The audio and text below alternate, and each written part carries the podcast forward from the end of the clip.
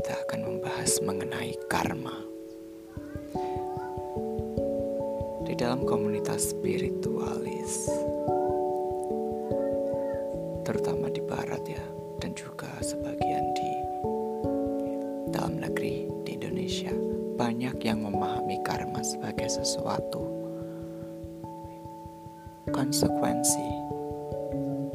Jika kamu jahat, maka kamu akan mendapatkan kejahatan ada konsekuensinya semacam semacam itu. Padahal konsekuensi hanyalah bagian lain dari karma. Kalau kita merujuk kembali ke akar katanya, karma ber, berasal dari bahasa Sanskerta, karma yang artinya perbuatan, tindakan.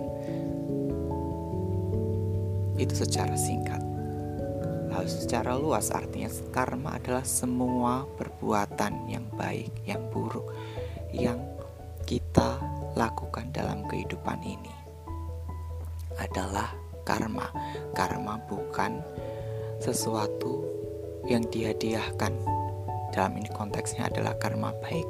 Karma bukan sebuah hukuman. Dalam hal ini adalah karma buruk. Bukan seperti itu, tidak ada baik ataupun. Karma menurut saya pribadi, menurut pandangan pribadi ya, karma itu ibarat sebuah screenplay atau naskah film, naskah drama. Ketika kalian menerima naskah drama, di situ tentunya ada peran yang kalian jalankan dan orang lain yang mendapatkan naskah drama yang sama akan menjalankan peran yang berbeda. Di situ tentu saja ada yang namanya tokoh antagonis, tokoh protagonis, dan tokoh penengah dan tokoh-tokoh-tokoh lainnya.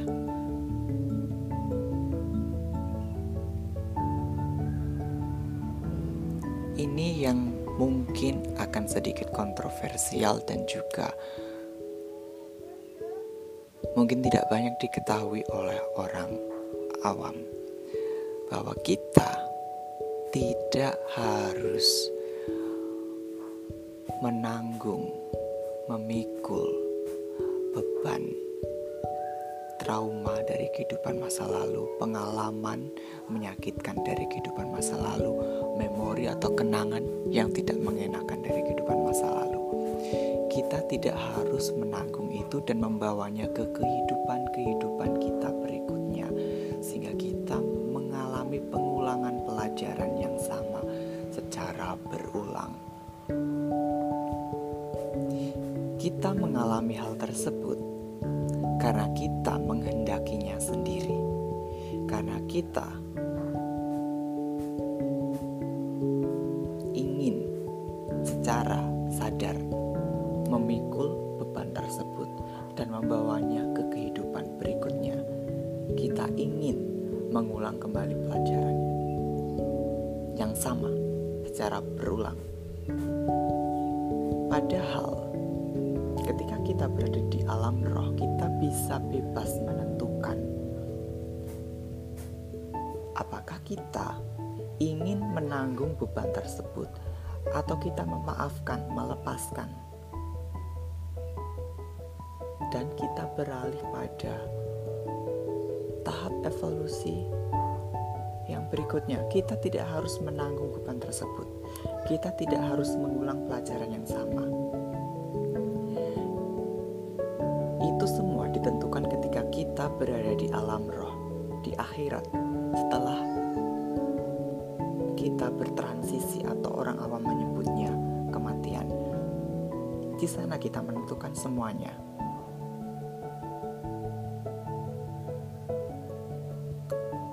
Kesadaran kita ketika nanti setelah bertransisi ke alam non fisik, ke alam non material, itu sangat dipengaruhi oleh bagaimana kita memandang diri kita saat ini di kehidupan saat ini dan bagaimana kita mempersepsikan kehidupan kita saat ini pada kehidupan ini.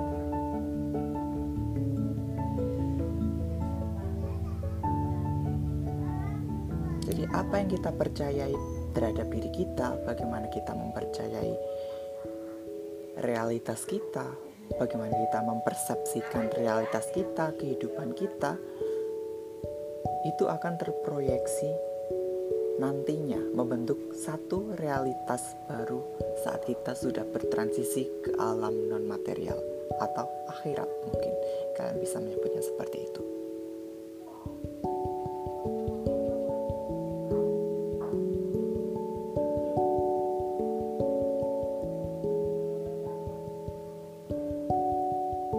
Di sini untuk mengingat hal tersebut. Kita di sini untuk mengingat bahwa kita adalah pencipta dari realitas kita sendiri. Kita pencipta dari kehidupan kita sendiri. Kita adalah aktornya, kita adalah sutradaranya, kita penulis naskah.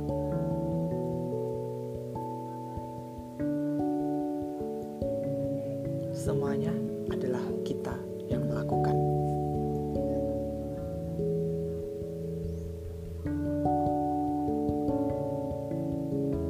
Apa yang ada dalam kehidupan kita saat ini, apa yang kita jalani, yang baik maupun yang buruk, apa yang kita terima, apa yang ada dalam benak kita, apa yang ada dalam batin kita, apa yang kita alami, itu semua adalah sudah menjadi ketentuan kita. Kita yang membuat itu terjadi, kita yang memutuskan jauh sebelum inkarnasi, jauh sebelum kelahiran. Artinya, itu semua terjadi di alam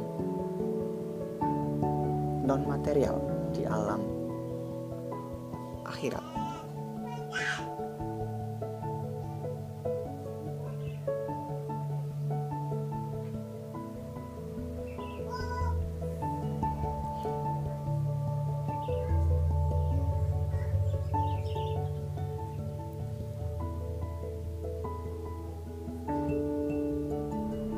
Cara terbebas dari karma sebenarnya sangat mudah, tapi juga sulit di saat yang bersamaan. Apa alasan kita menganggap karma itu baik, karma itu buruk? Baik dan buruk itu adalah hasil konstruksi norma buatan yang ada di alam material ini, di bumi ini. Baik buruk itu hanya ada di bumi, di alam non material atau di luar dari alam tiga densitas ini. Baik buruk itu bukan sesuatu yang terpisah, tapi satu kesatuan.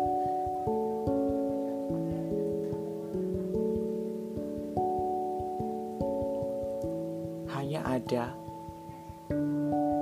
karma itu saja. Tidak ada pengkategorian karma baik karma buruk semacam itu.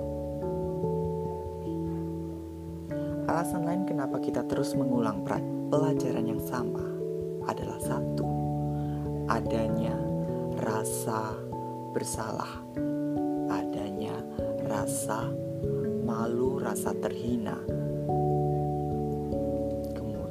Adanya rasa takut, adanya obsesi, dan juga ambisi.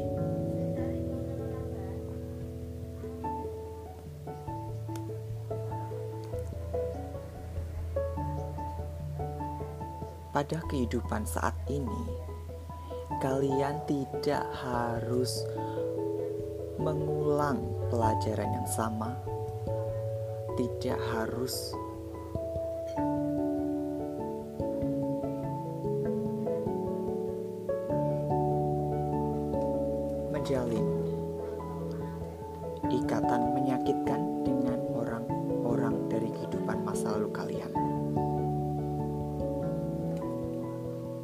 Kita tidak harus seperti itu.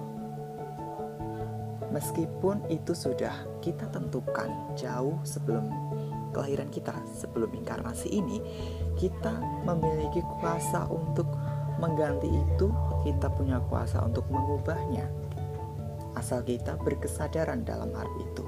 Kita sadar bahwa kita punya kuasa untuk mengubah. Kita punya kuasa untuk melepaskan. Kita punya kuasa untuk membatalkan tidak ada yang memaksa kita untuk harus menjalankan pengalaman hidup yang menyakitkan berulang-ulang kali.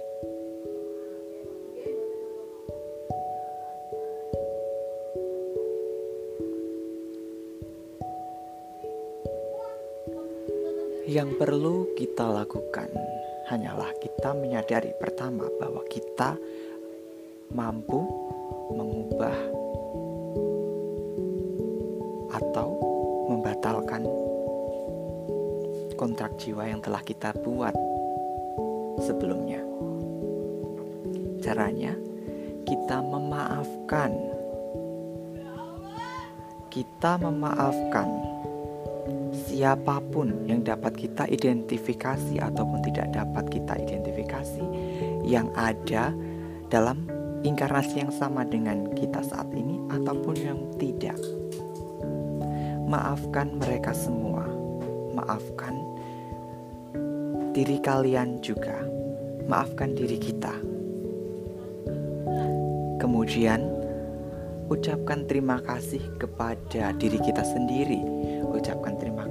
Kepada mereka karena mereka telah hadir dalam kehidupan kita membantu kita untuk berproses, membantu kita untuk berevolusi.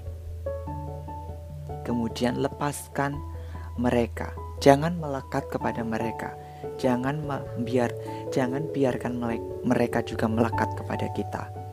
Lepaskan mereka, berikan kesempatan bagi mereka. Ungkapkan rasa cinta kasih kalian dengan cara melepaskan mereka sehingga mereka bisa mengejar perkembangan diri dan evolusi spiritual mereka sendiri.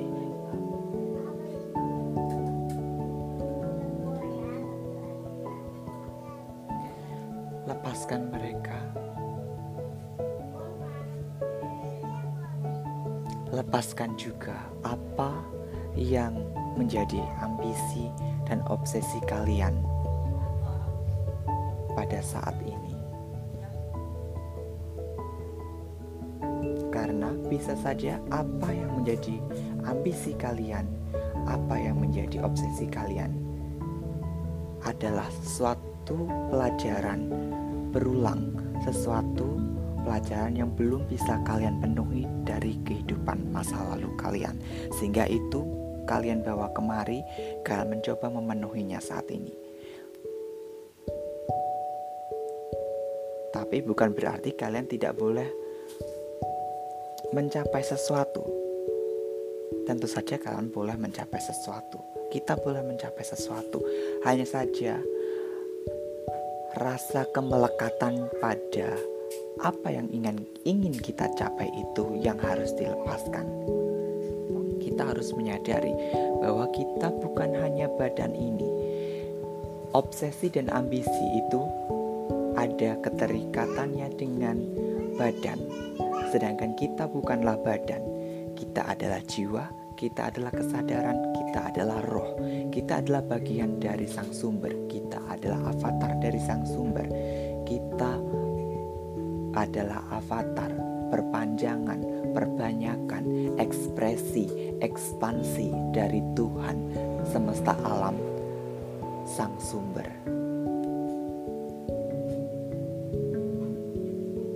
Artinya,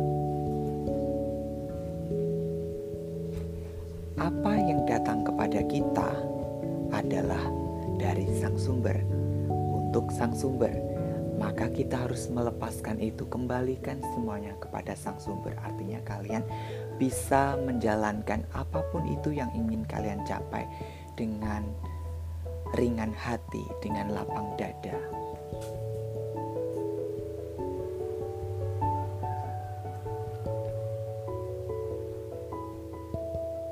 itu adalah sesuatu yang harus dibiasakan, bukan sesuatu yang instan sekali jadi. Kita semua di sini belajar, saya belajar, kalian belajar, kita semua belajar untuk itu. Kita belajar untuk mengingat kembali keilahian kita, mengingat kembali bahwa kita adalah Tuhan atas realitas kita sendiri. Kita adalah pencipta atas realitas kita sendiri.